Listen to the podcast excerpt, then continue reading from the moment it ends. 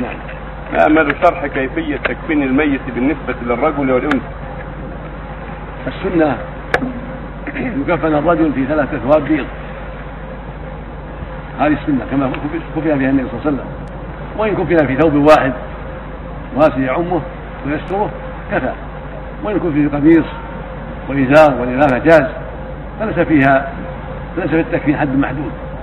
إذا كفن في لفافة واحدة أو لفافتين أو ثلاث أو في قميص ولفافة أو في قميص وإزار ولفافة كله جائز الحمد لله كله واسع. ولكن الأفضل مثل ما كفن النبي صلى الله عليه وسلم.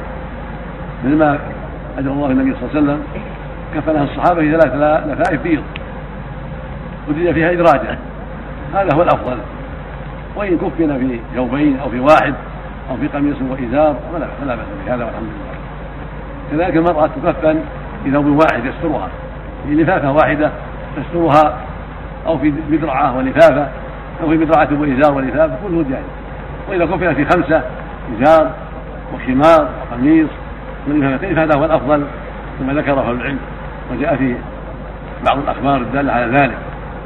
هذا هو أفضل ما يكون قميص وإزار وخمار ولفافتين المرأة وإن كفنت في ثوب واحد يعني يعني لفافة واحدة تسترها كلها أو في لفافتين أو في قميص ولفافة أو في قميص وخمار ولفافة كله طيب ما في حد محدود الحمد لله الأمر في هذا واسع